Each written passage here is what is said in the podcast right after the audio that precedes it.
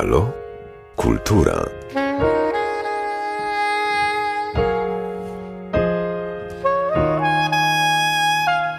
Przed mikrofonem Józek Szopiński, a moim gościem jest Mateusz Pospieszalski. Witam cię bardzo serdecznie. Witam serdecznie wszystkich. Chyba z Częstochowy, tak? Tak, tym razem z Częstochowy, aczkolwiek ostatnio miałem rzeczywiście taki dosyć e, aktywny czas, także podróżowałem i tu i tam. A tu i tam między innymi na Lubelszczyźnie przecież, prawda? No oczywiście by graliśmy na Lubelszczyźnie, poza tym ja rodzinne jeszcze miałem kolędowanie, w związku z tym zagraliśmy około ośmiu koncertów, a przy tym wszystkim jeszcze pojawił się kolejny finał Wielkiej Orkiestry Świątecznej Pomocy, plus jeszcze dodatkowo jakieś koncerty e, niezależne od kolędowania.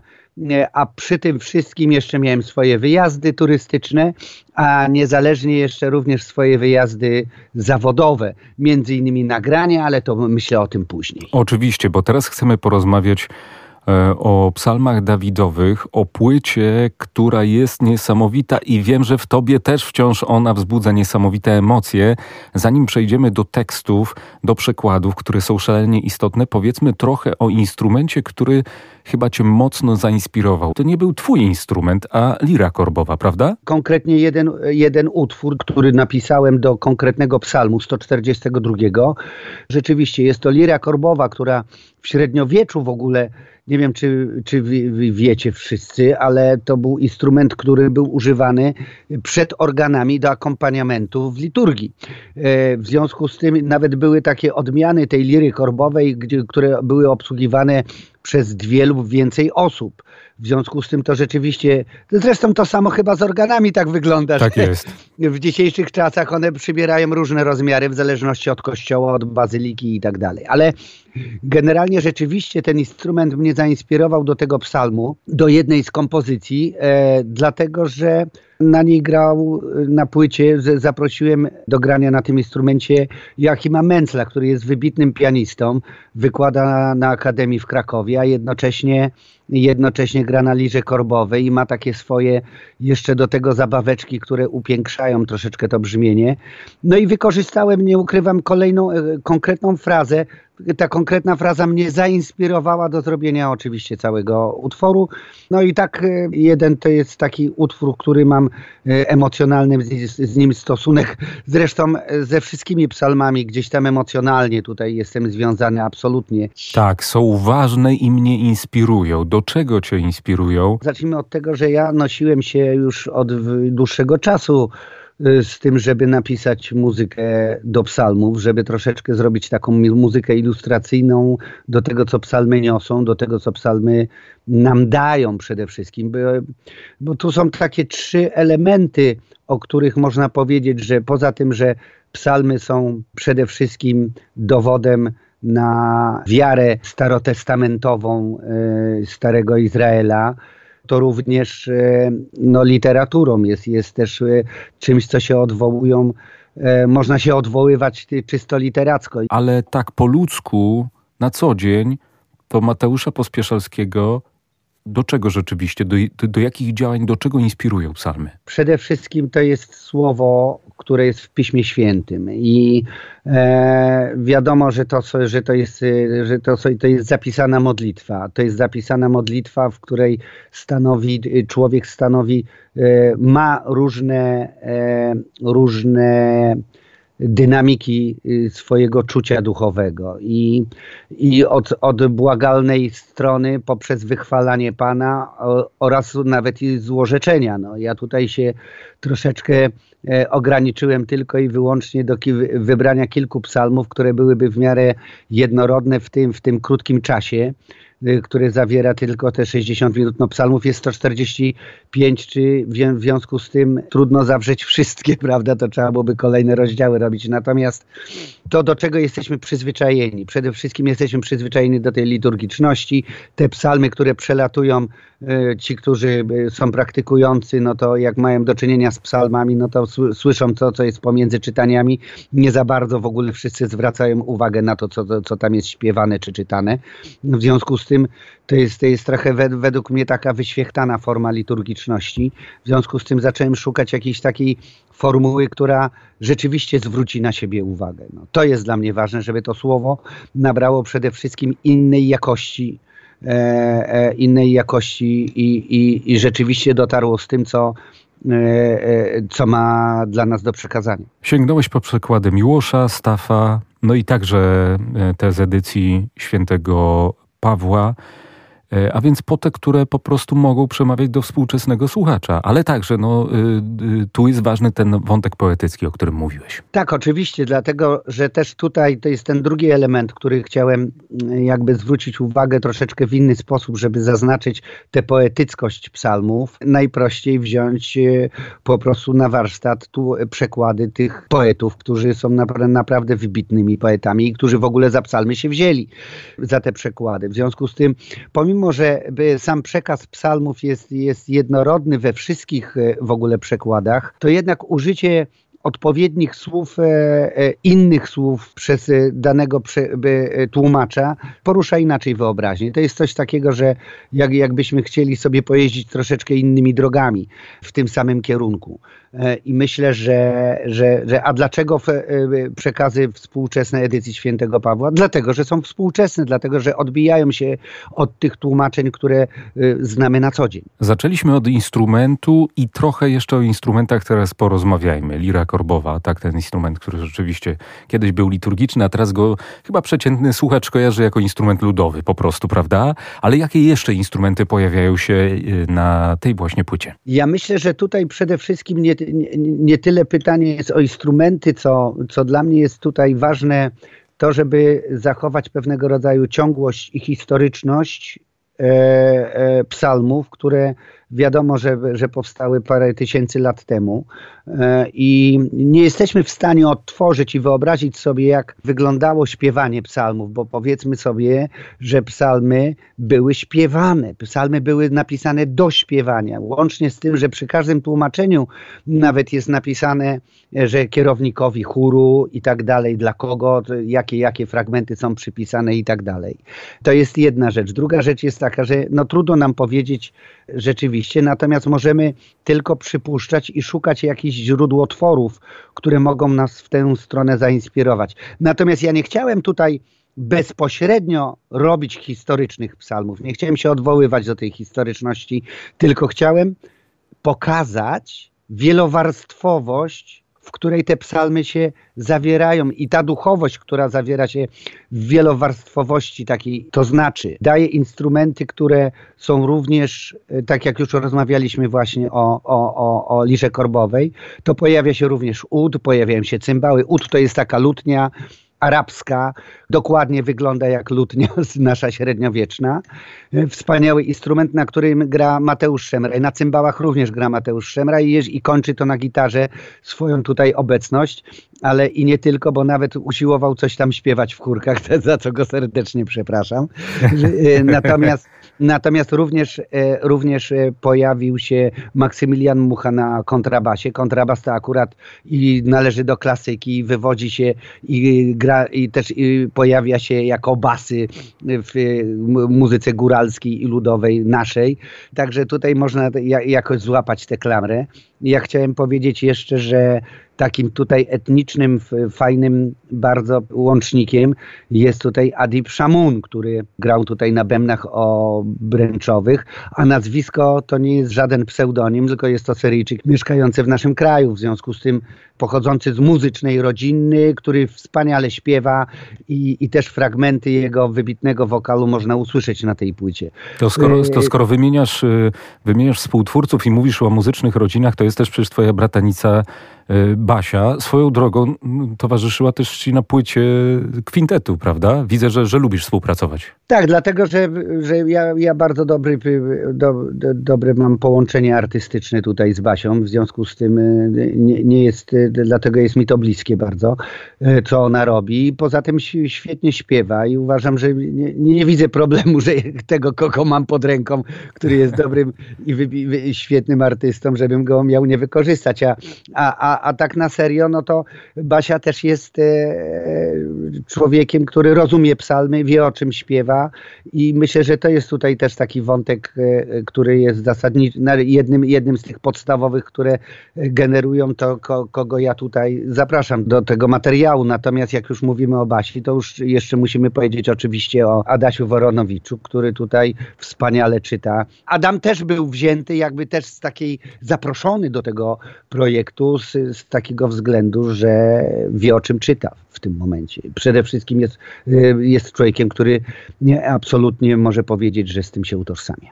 Ja to widzę, że po raz kolejny to jest dla ciebie bardzo ważne, bo, bo słyszałem, jak tak samo się wypowiadałeś na temat Basi Pospieszalskiej i mówiłeś, że że ona nie tylko umie zaśpiewać, ale ona wie, o czym śpiewa. No, psalmy mają jeszcze coś takiego w sobie, że poruszają wszystko z wnętrza, co właściwie wszystkie elementy, które jakby człowiek też porusza w swojej modlitwie codziennej, w tym, e, e, co by chciał zawrzeć. I te, a, po, a dzięki temu, że ma, mamy psalmy pod ręką, powoduje to, że to jest przedłużenie wszystkiego i odwołanie się właśnie do tych kilku tysięcy lat i do tej wspólnoty przede wszystkim, bo to jest bardzo ważne, bo oczywiście możemy zacząć od zera od roku 2023, natomiast jak się obejrzymy y, za siebie, że te parę tysięcy lat jednak, jednak ma znaczenie i jakby ten źródłotwór tutaj jest niebywale ważny, chociażby dlatego, że historyczność samego Jezusa i historyczność świętych owego czasu polega na tym, że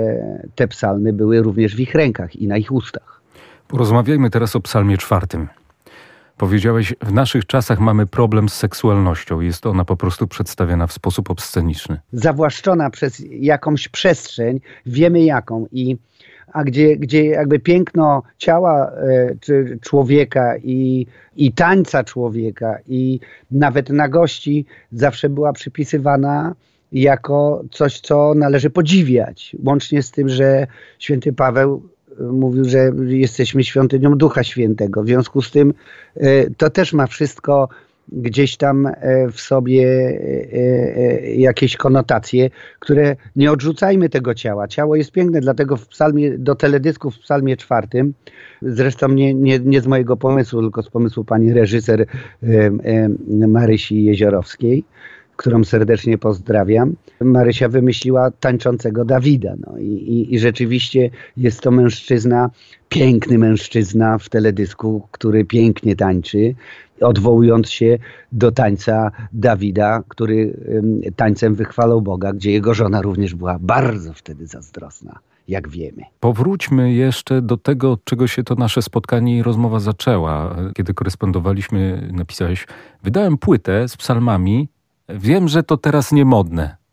Jesteś artystą, który chyba już kompletnie nie patrzy na to, co modne i co niemodne. Przecież. No, zgadza się, ale wiemy, wie, wiemy o czym mówię. Jest, jest ogólny jakby tutaj taki, e, taka niechęć e, w stosunku do kościoła, który jest zresztą sam sobie winien, ale ja nie chcę tego jakby tutaj poruszać, bo nie mnie o tym mówić. Ja jestem człowiekiem, który e, patrzy na to wszystko z zupełnie innej strony i nie patrzę poprzez tego rodzaju figuratywność, o, o, o którą wszystkich chodzi, żeby coś obrzydzić, żeby coś wytknąć i żeby coś wypunktować.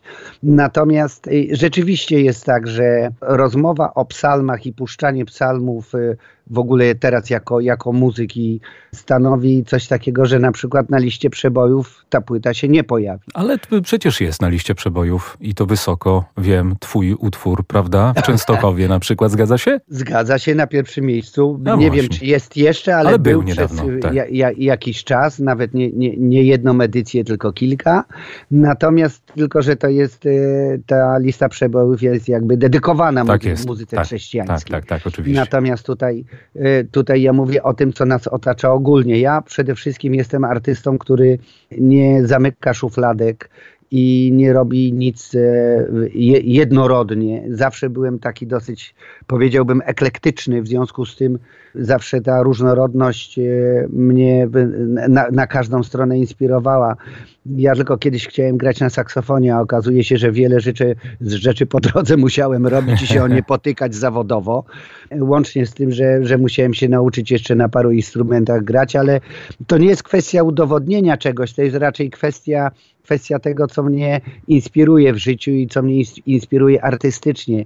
Między innymi psalmy, e, ponieważ ja jako artysta, w ogóle muzyka, twórczość e, jest bardzo głęboko związana, w ogóle artyzm, twórczość artystyczna jest głęboko związana z duchowością naszą. Czy ona się odwołuje bezpośrednio do stwórcy, czy do przestrzeni, do tak zwanej otchłani niewiadomej, tego wszystkiego, co jest za tą zasłoną. Artysta jest, jest, jest kimś takim, jest taką kroplą Bożą, która tworzy, jest też twórcą.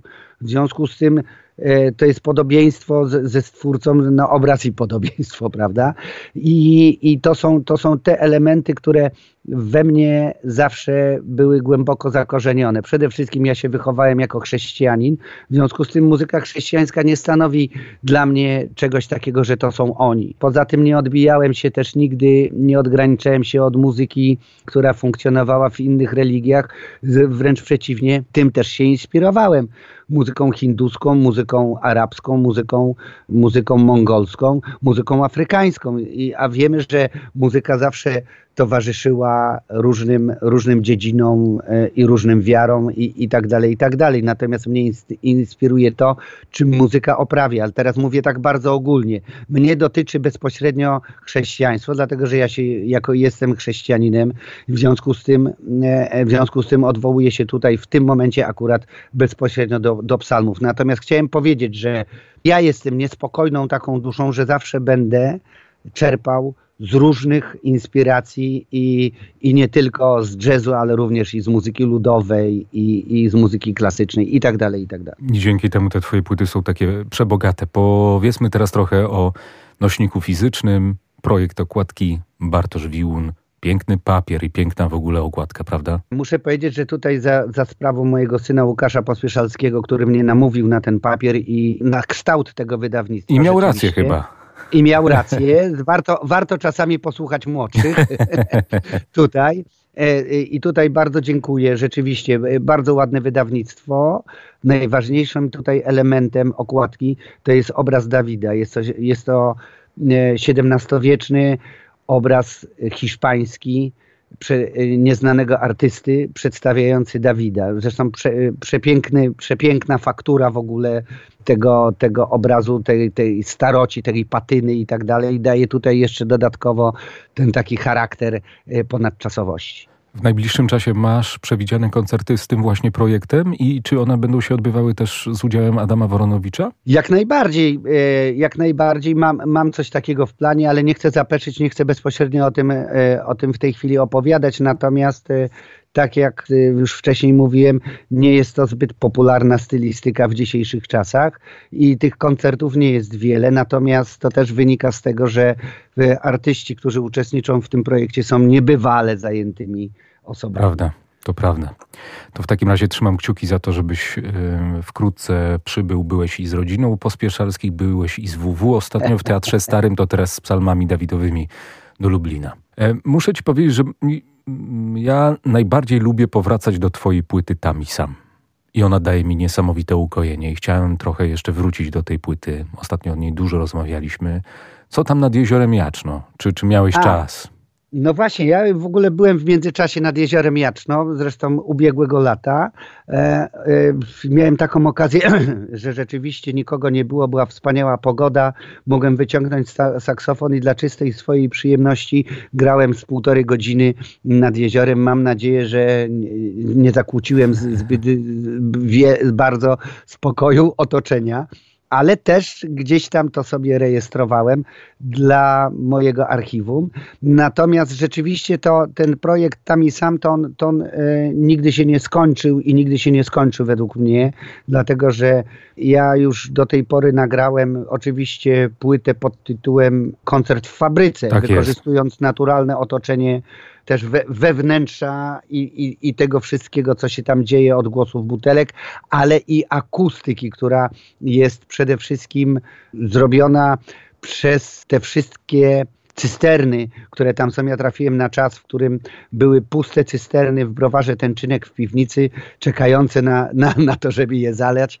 Ten pogłos, który tam się wydobywał, to jest coś nieprawdopodobnego. Zresztą od tego płyta się zaczyna.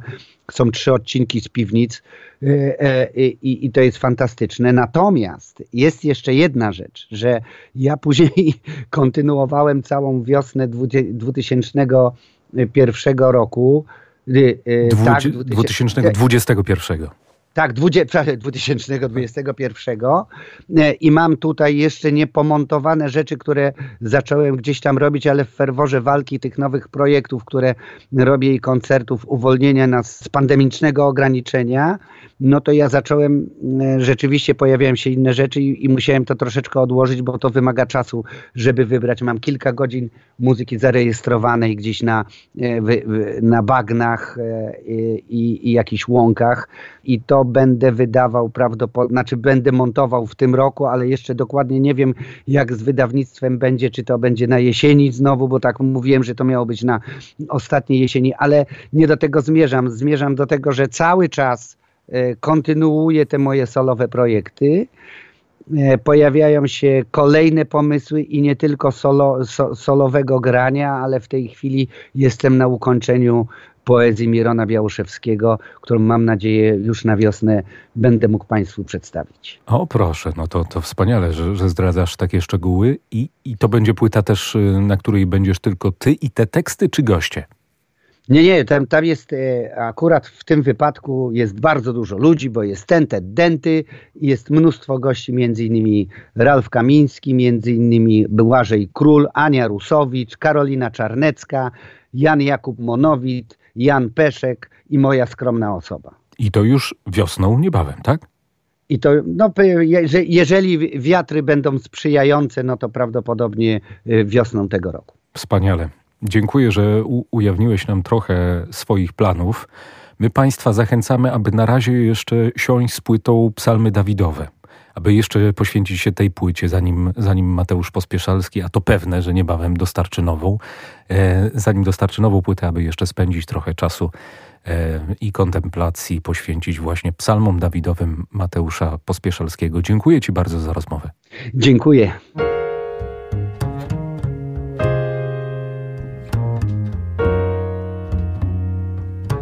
Halo?